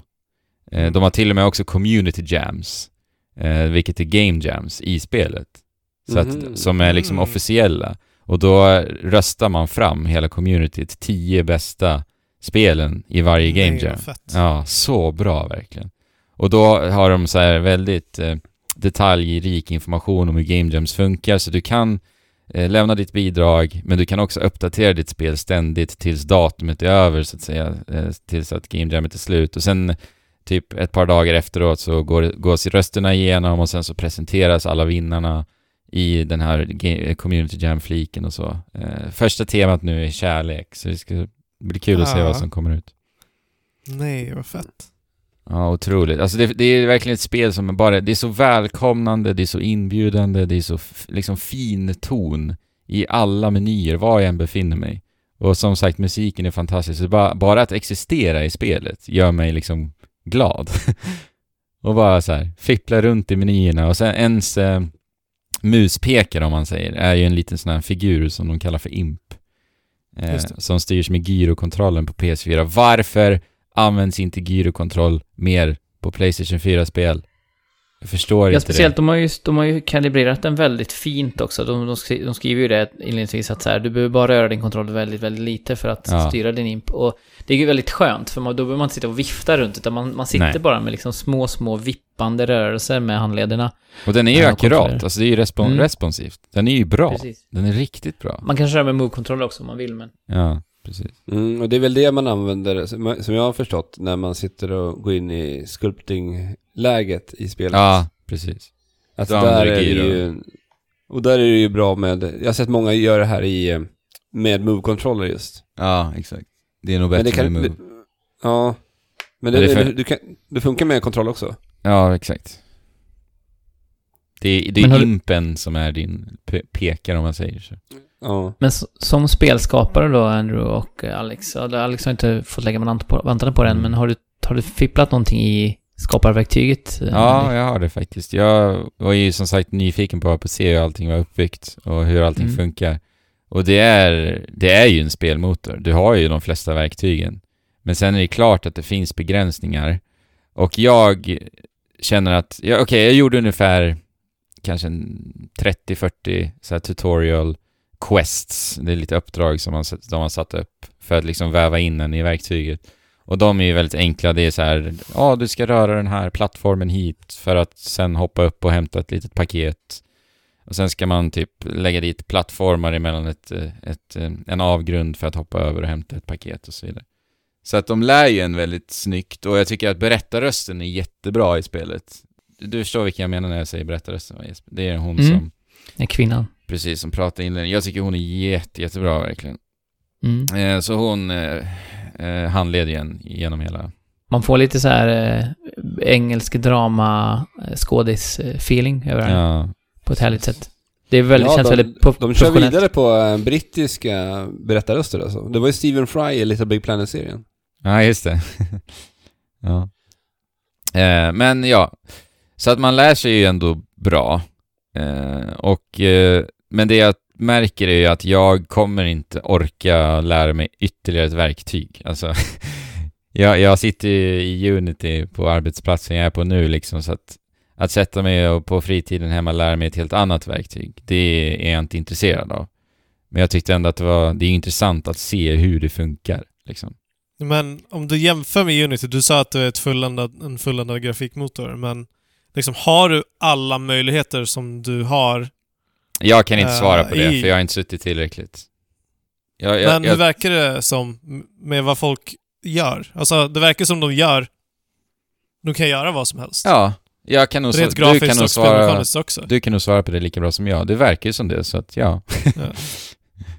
Men det, ja, Men alltså det- möjligheterna är ju i princip oändliga. Men hur funkar liksom skriptningen och så? Det är ju, jag har ju kollat lite på det här, för att det är det som intresserar mig. Hur man ska kunna gö- göra kontroller. Men de, Ja, de har ju precis. alltså ett visual Ja, scripting-verktyg. exakt. det vill säga du skapar noder så här. Här eh, har du input Precis. och eh, den, den noden kopplar du till någonting annat som du sätter en hastighet till. Så att du kan röra saker Mm. på input och Mm. så Och får det är där- samman. det är ju där lite begränsningarna kommer in, för att finliret försvinner. Eh, och, Mm. och man märker, alltså av alla spel jag har spelat Dreams, så känner man av ganska tydligt att det är skapat i Dreams. Det är någon känsla liksom i kontrollerna på något sätt, och typ hur kameran Okej. eh, rör sig på något sätt. Eh, än, än så länge, spelet är fortfarande väldigt, väldigt ungt, så att det kanske kommer förändras i framtiden. Ja, precis. Ja. De kan ju uppdatera hur de vill och så. Ja. Jag, jag är ju jag är såklart nyfiken på det här spelet, men jag skulle ju aldrig sätta mig och gräva ner mig i den här motorn. Dels för att det är det här... Jag upplever när jag kollar på det här att det är otroligt stökigt att hålla reda på alla dreams, script eller vad vi nu ska kalla dem. Mm. För att det blir ju väldigt stökigt att hålla reda på allting. Men Mm. folk där ute visar ju på att det går att göra precis vad som helst egentligen. För det, jag, Ja. jag skickade ju den här länken till er på någon snubbe som alltså har gjort, han har återskapat Fallout 4 Mm. Precis. Mm. i Dreams med hela startskärmen och med UI liksom Ja, ifrån, exakt. ifrån Fallout. Och det ser väldigt mycket Fallout ut. Ja, Ja, ja, men det, det- Det är helt galet alltså. Ja. Nej men det är det som är det häftiga. Alltså, ger du det tid så, så är det ju ett gediget verktyg. Liksom. Och att, eh, att spelare där ute kan ha tillgång till det från en Playstation 4, Ja. det är ju fantastiskt. Liksom. Ja, det är helt fantastiskt. Mm. Men alltså man måste ha ett bra arbetsflöde också och att saker mm, inte tar oerhört lång tid om, för, för att göra liksom en, sem, en simpel sak. Mm. Och så. Ja, det, jag tycker det ska bli så otroligt spännande att följa Dreams. Ja, vi, vi, vi såg ju bara liksom resultatet av deras förra skapelse i liknande, alltså i Little Big Planet, så kom Mm. det ju ur så otroligt mycket nya spelutvecklare som Ja. gjorde spel i Little Big Planet. Och det kommer Ja. ju det här hjälpa till med jättemycket också. Verkligen. Snake Pass hade ju inte funnits utan Little Big Planet, exempelvis. Nej, det, och det är ju det är bara en av jätte, jättemånga. För Ja. det är ju supermånga som började sin resa där. Vi, vi träffade någon, eller vi var på någon föreläsning på Nordic Game med någon som jobbar som level designer på Tarsier som också började som Mm, Little Big Planet-skapare också. Precis. Eh. Men eh, det här ska ju komma till PC också. Eller var det bara ett rykte? Ja, vi sa, jag sa ju förra veckan att det var bekräftat, det var helt fel, så att det är fortfarande rykten att det ska komma till PC. För det är Okej. jag, jag hoppas ju verkligen att det här kommer eh, bli tillgängligt till flera också. Ja. Och att eh, få se att det här kanske öppnar upp sig för, in i framtiden. Ja. Att, att vi inte blir begränsade att spela Dreamspel på i Dreams. Att de kanske Nej. så här, att man kan släppa det utanför. Mm. Om, Ja. det, om det till exempel släpps på PC. Mm. Ja, med PC så öppnas ju också liksom en hel... Alltså, du kan skriva dina egna kodrader om... Om, om det skulle vara så. Vilket Mm. man inte kan göra på PC. På, Jag kan ju säga så här, PS4. jag, jag, det är ju trevligare att befinna sig i Dreams än vad det är i Unity. I alla fall. Jo. Ja, det kan jag tänka mig. Mm. Ja, men eh, Dreams eh, lär bli en eh, återkommande incheckning för oss, tror jag. Ja men eh, Jesper, du berättade ju om eh, Nils som gillar det där. Han gillar ju crafting och skapande där nu. Berättade du lite om tidigare. mm. Har, har, du test, har Nils testat Dreams än? Nej, nej, han har inte hunnit än. Eh, vi har varit iväg och på sportlovsresa och sjukdom och allt möjligt, så att vi har inte hunnit, hunnit sätta oss ner. Men jag tror att... Eh, jag har tänkt på det också, för han spelar ju till exempel Roblox, som, också är en plattform där man spelar massa olika användarskapade spel. Mm. Eh, Så det är ganska likt det här, så jag tror att han skulle verkligen gilla att browsa runt och testa en massa olika upplevelser. Så jag, jag ska sätta kontrollen i handen på honom så fort vi får, får lite tid här hemma. Men då får vi följa upp det då och se om det blir några Nils-spel gjorda. Ja. Det, det är kul också att Media Molecule har ju en egen kanal i Dreams. Man kan ju se vad de re- rekommenderar att man ska spela och sånt där också. Mm. Det finns lite kurering. Ja. Mm. Och bara en eh, sak som är ganska sjukt, på tal om Dreams och Media Molecule. Vet ni hur många de är på den studion? De är ju en ganska liten studio va? Ingen Ja, aning. de är 50 personer, inklusive alla HR-människor och marknadsföring och så vidare. Åh, Jäklar. Det är ganska sjukt. Det är imponerande också. alltså. ja. Det känns som att deras eh, community management team måste växa jättemycket i och med Dreams och om Dreams fortsätter bli stort. För att det här kommer ju kräva ett enormt arbete att ta, förvalta detta stora växande Mm. Dreams-communityt. Ja, jag, jag tycker det är lite sorgligt att se att Sony inte riktigt eh, har tagit hand om det här släppet. Alltså, nu har det släppts och Sony, de verkar inte bry sig så mycket. Nej, det, det är konstigt. Det här är ett spel som ska tryckas på otroligt mycket och det här är ett spel som ska vara på en Gotelista utan tvekan. Alltså jag säger det redan nu utan att ha spelat det, men alltså att kunna köpa det här spelet och spela andra människors skapelser och, och det man kan göra i det här spelet, det, är- det är helt otroligt. Mm. Det är så otroligt imponerande. Dreams, som sagt, får dina drömmar att eh, komma till liv förhoppningsvis, om du är tillräckligt skicklig på att göra det. Och vi, eh, vi fortsätter, eh, jag tror att både Fabian och Alex kommer att hoppa in i det när ni har tid. Och vi andra kommer också ut, fortsätta utforska det, för det är verkligen så det känns. Man hoppar in och utforskar. Det är Eh. intressant. Utan tvekan. Ja, jag har spelat något helt annat på min Switch. Mm.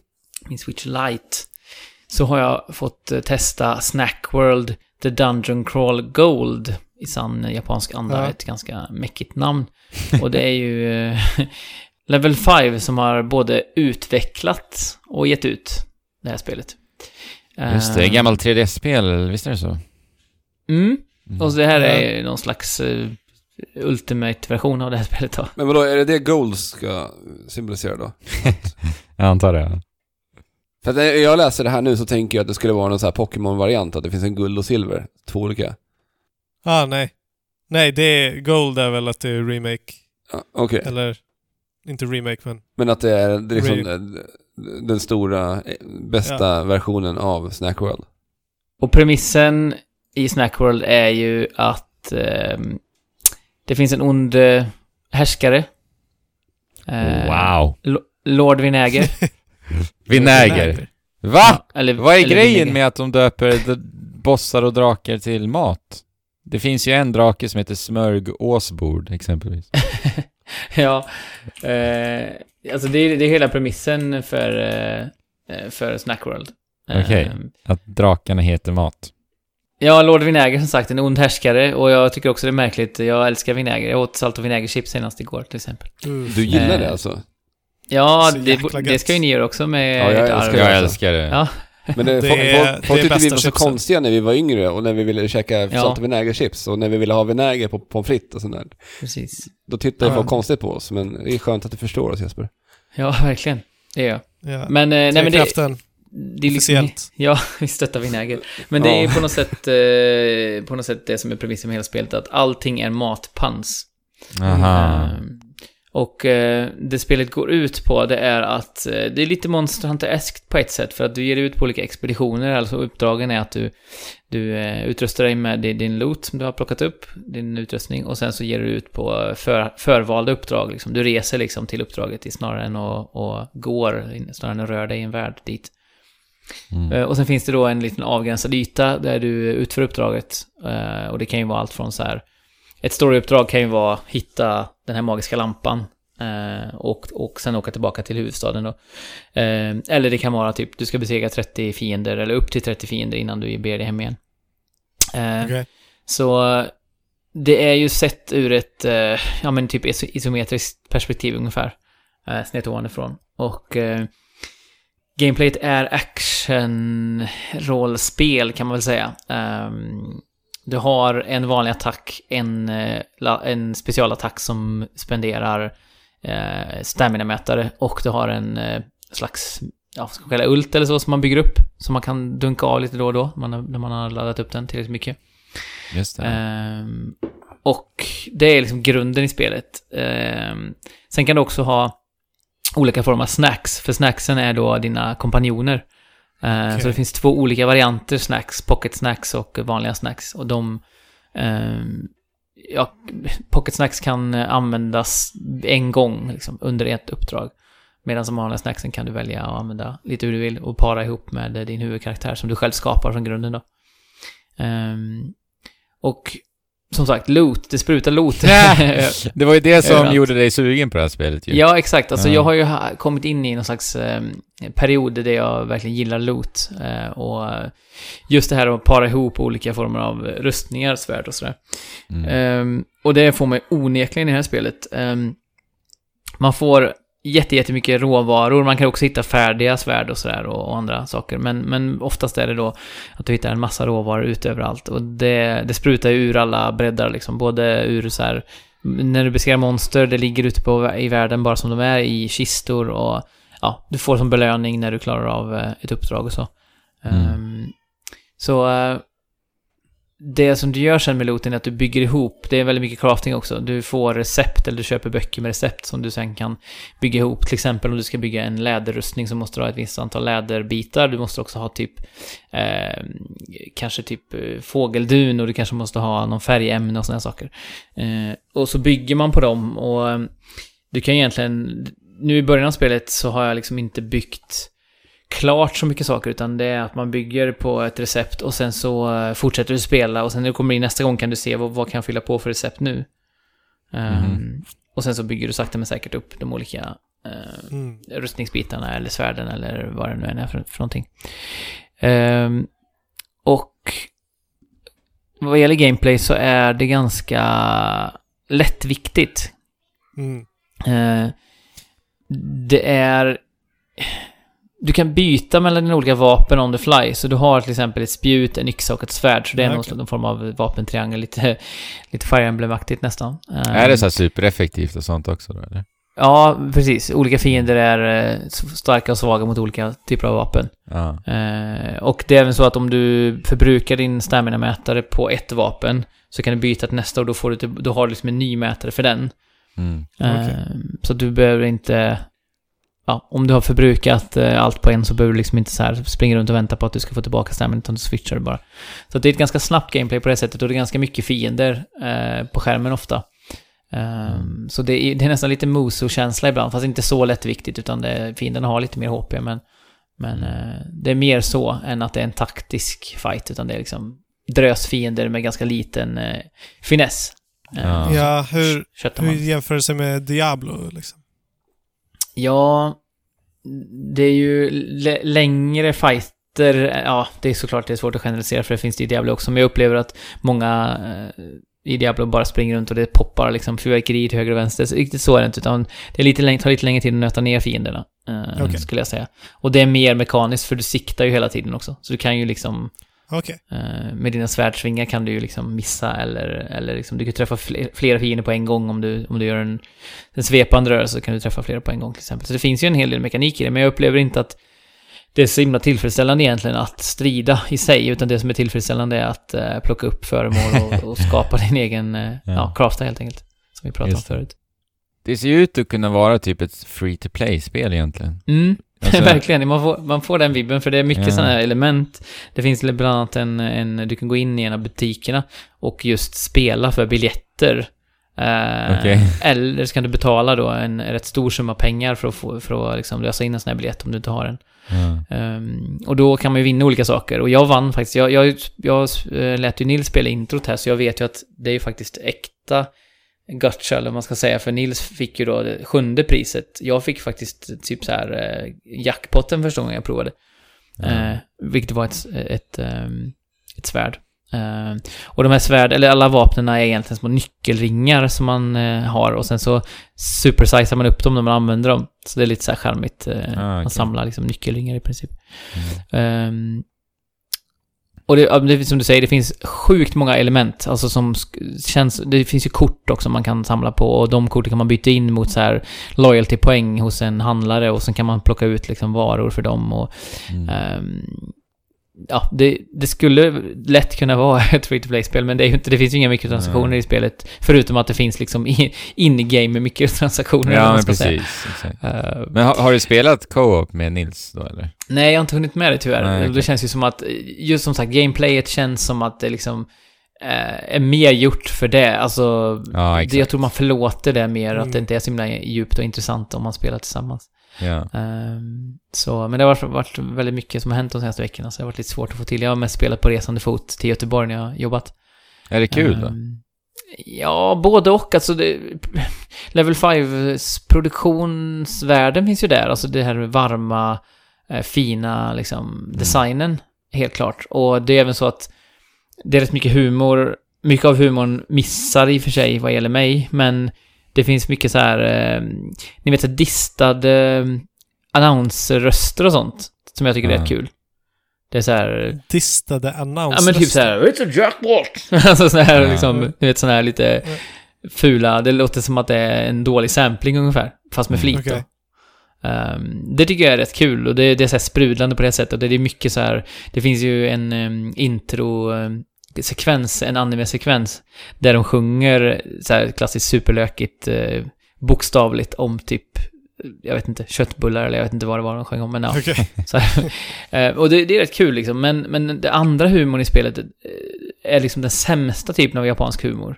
Eh, där det är så här, eh, ja men, eh, män som dreglar över för unga kvinnor och...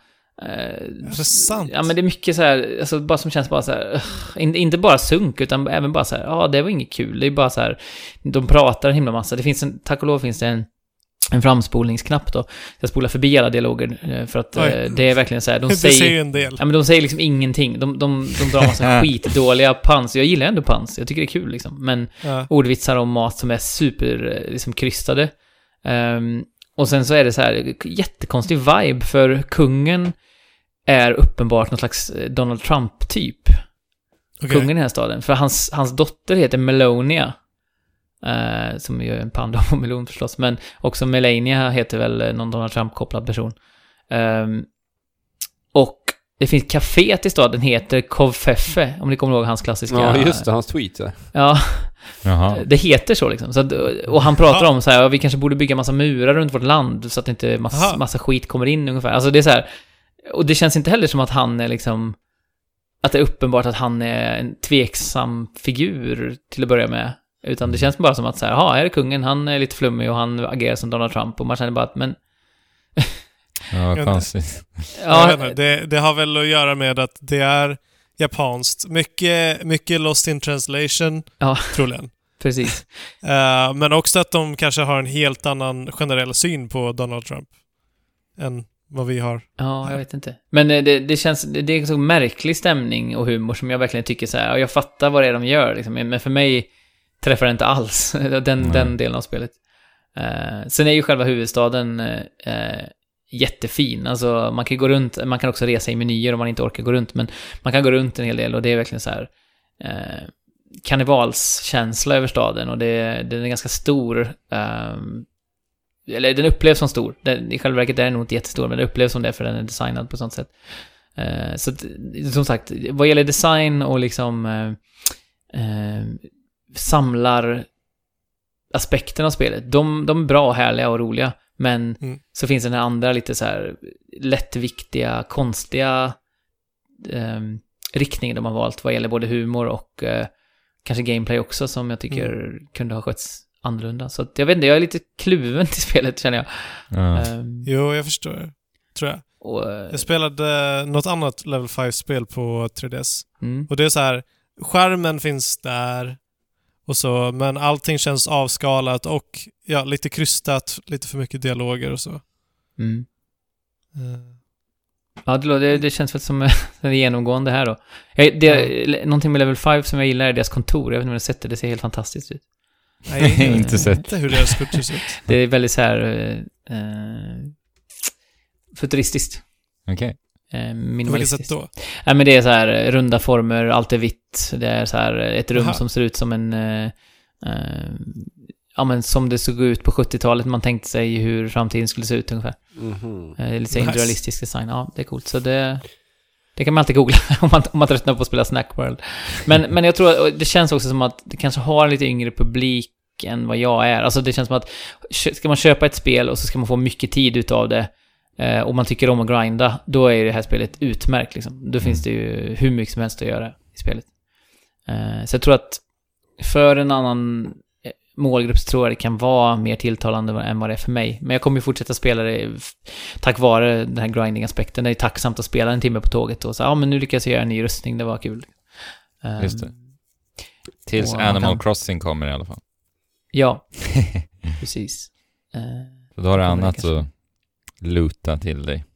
Mm, jag har ju också, på tal om lootspel, så har jag också ramlat tillbaka in i Zelda igen och bara så här, för att det var så mycket och intensivt och bara behöver vila lite, då har jag liksom så börjat bara traska runt i Hyrule igen. För Nils har börjat om på sin, sitt konto från noll och Ja. spelar det själv för första gången. Vilket Zelda? Eh, Breath of the Wild. Mm. Mm. Så då har jag också blivit inspirerad och, och går runt nu och letar lite shrines och sånt. Jag har inte klarat av, eller jag har inte töm, uttömt spelet liksom. Jag har klarat av det såklart, men Mm. så att, eh, mm. Det, Härligt. det kan man också göra. Ja, men det är mysigt. Mm. Breath Ja. of the Wild. Det är det. Dungeon Crawl var det. Eh, Snack World, The Dungeon Crawl Gold närmare bestämt. Ehm, jag var inne lite på och pratade om eh, vapentriangeln förut. Andrew, du har ju spelat ett spel som har gjort vapentriangeln känd, det vill säga Fire Emblem Cindered Shadows. Och Cindered Shadows, det är eh, DLC till Fire Emblem på Switch, eller hur? Ja, precis. De släppte ju en sån här expansion pass till och med innan spelet. Eller de utannonserade expansion pass innan spelet släpptes. Mm. Och på dagen när det släpptes kunde man köpa denna expansion pass och den sista delen de har då släppt det här lite nytt material i fyra vågor. Och det här är då den sista vågen som skulle vara den stora sidoberättelsen då. Eh, och det är Mm. Cindered Shadows helt enkelt. Eh, så det har jag spelat. Mm. Och det är ju väldigt eh, mycket mer kontrollerat. Det är väldigt mycket kortare än eh, liksom huvudspelet. Det är en, eh, en liten sidoberättelse där vi får bekanta oss med ett fjärde hus. Så att det är inte tre hus i Three Houses längre, utan det är fyra. eh, och det här fjärde huset har då befunnit sig under det här klostret som vi befinner oss på i, i eh, Three Houses.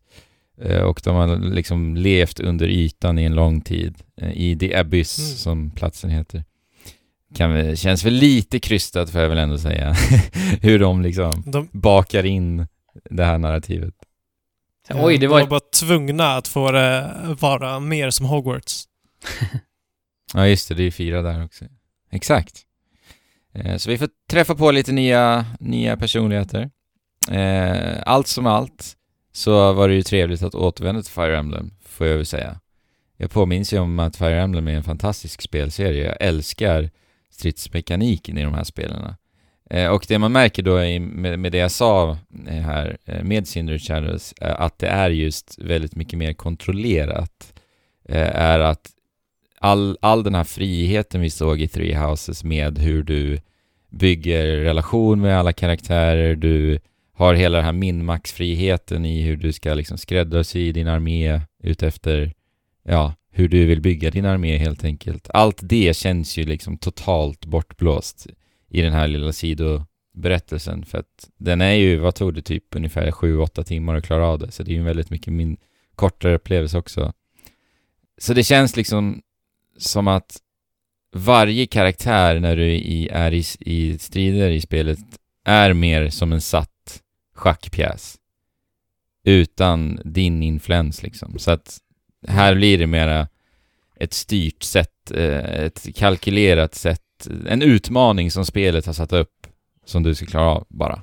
Så att eh, det som gör Fire Emblem väldigt mycket Fire Emblem eh, finns inte riktigt i den här lilla sidoberättelsen. Och jag, så att du fortsätter liksom inte med det du nej, har nej, gjort. det är en sidoberättelse, helt och hållet. Det är bara helt och hållet. Ja.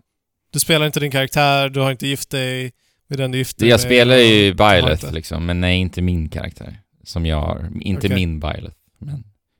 Eh, och det är alla karaktärer som följer med i sidoberättelsen är också satta. Så att allting är väldigt, Okej. väldigt styrt som sagt. Eh, men jag kan också så här, jag kan ändå tycka om det i kontexten av att vara just eh, ett ned, alltså en sidoberättelse, nedladdningsbart material. Just för att jag slipper fräscha upp allt som jag har glömt liksom. och jag kan bara hoppa in i så här trevliga Fire Emblem-strider igen. Och sen så lära känna lite nya personligheter och bara mysa av en liten sidohistoria. Eh, och sen är man ju så här jättebegränsad av, i och med allt det här också, resurser, vapen.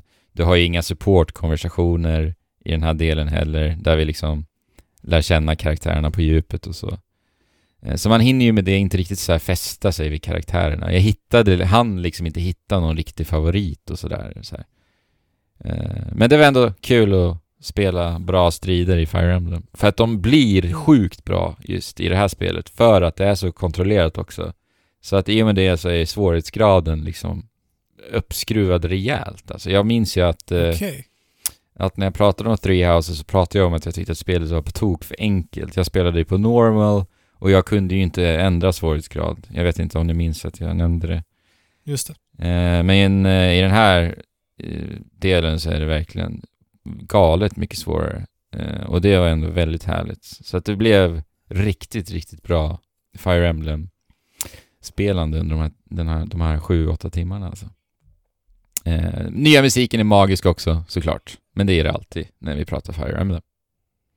Mm. Eh, så vill man ha mer bara, Bara. Coolt. helt enkelt. Mer Fire Emblem, lite mer kontrollerat.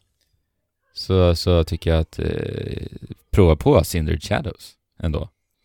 Men det känns ju som att eh, det har verkligen varit en bra eh, start på Switch för Fire Emblem. Alltså både originalspelet och det här verkar ju ha träffat helt rätt. Mm. Ja jäklar, Three Houses har ju verkligen så här vuxit, känns det som, efter lanseringen Mm. också. Det är så otroligt älskat hos eh, många, känns det som. Mm. Eh, Och just karaktärerna inom det också sådär. Eh, ja, och eh, om man klarar av det så kan man också rekrytera de här Ashen Wolves-karaktärerna i huvudspelet också. Så här, om, man, Ja, okej. om man vill eh, kanske spela en annan eh, väg, välja ett annat hus, en andra omspelning och så vidare. För det kan man göra. Askvargarna. Det är ändå ett ganska Du- coolt namn. Du måste inte ha klarat av spelet för att kunna ta del av den här berättelsen, eller? Nej, precis. Det behöver Nej. bara expansionen. Ja, men coolt. Mm. Annorlunda sätt att Ja, som sagt, det det känns väl lite så här påklistrat och lite eh, krystat, men ja. Vad gör man inte för att hoppa in i världen igen om man har älskat eh, Ja men precis. eh, Three Houses så kanske man köper det. Ja.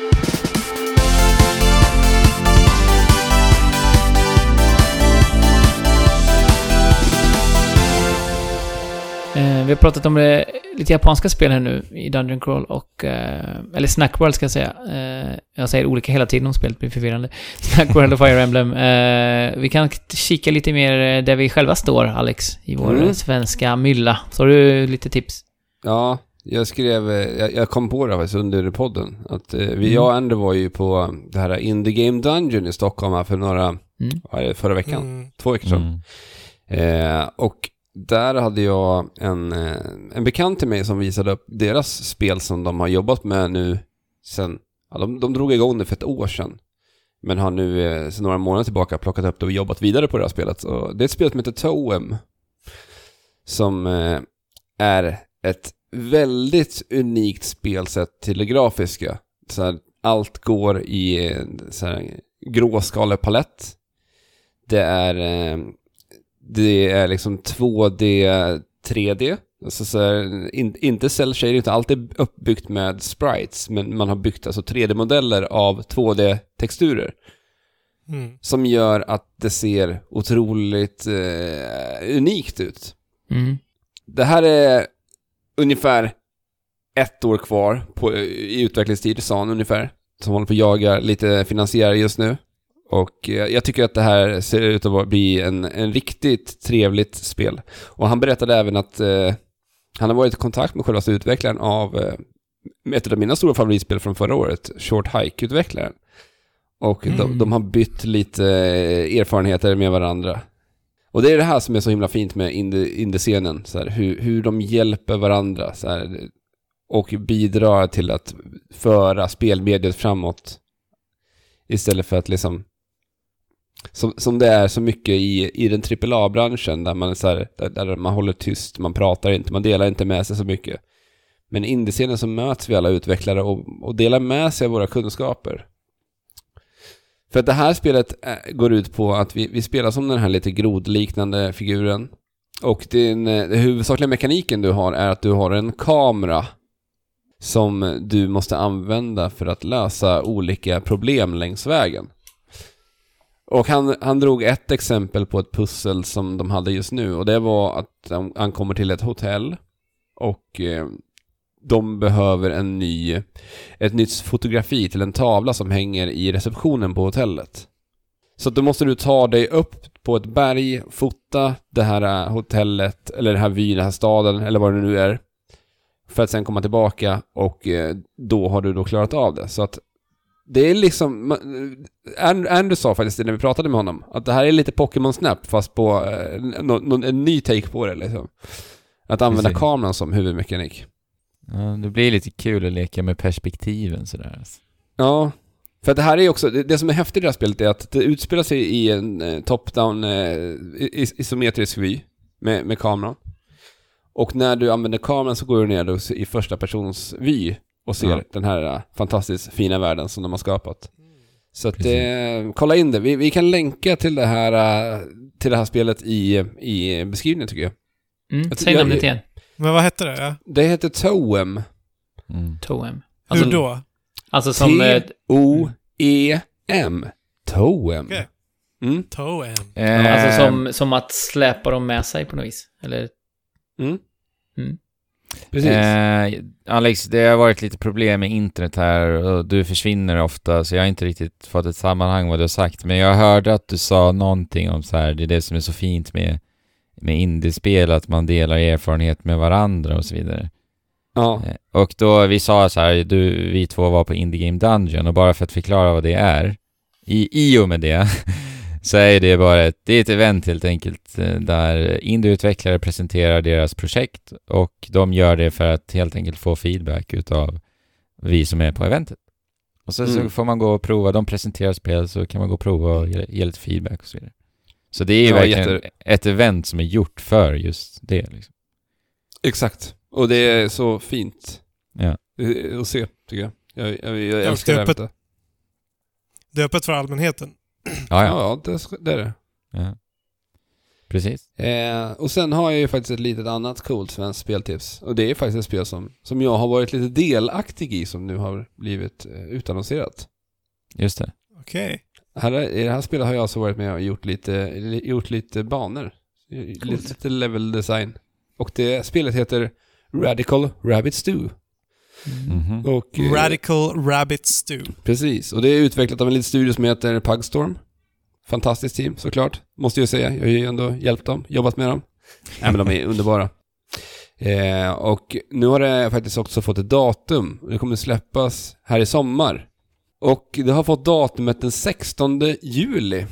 Och det kommer släppas på Playstation, Xbox, PC och Nintendo Switch. Jäklar. Yay!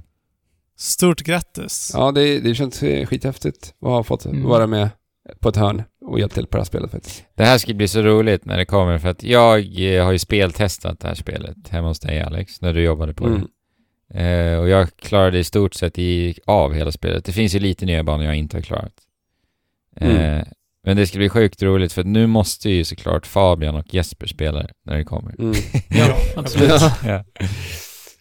Ja, det Jag hoppas att jag ska kunna få hit någon eh, utav teamet till ett framtida avsnitt också. Ja, Så precis. det var kul. Vi länkar till Eh, den också såklart i, i Det, beskrivningen. det tycker vi. Mm. Eh, det här är ett litet eh, pixelerat top-down eh, action, action-pusselspel där, där du spelar som en kock som har blivit... Eh, all, alla de här människoliknande liven har, har alltså blivit kidnappade av kaniner.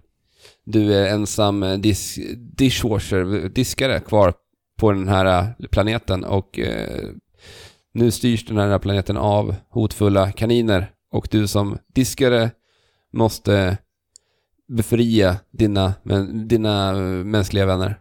De är inte människor egentligen, de är blåa varelser. Men, men det är, Ja, det är liknande varelser. Det är varelser helt enkelt. Ja, eh, så att ditt mål är att eh, slå ner kaniner i eh, grytor och tillaga dem.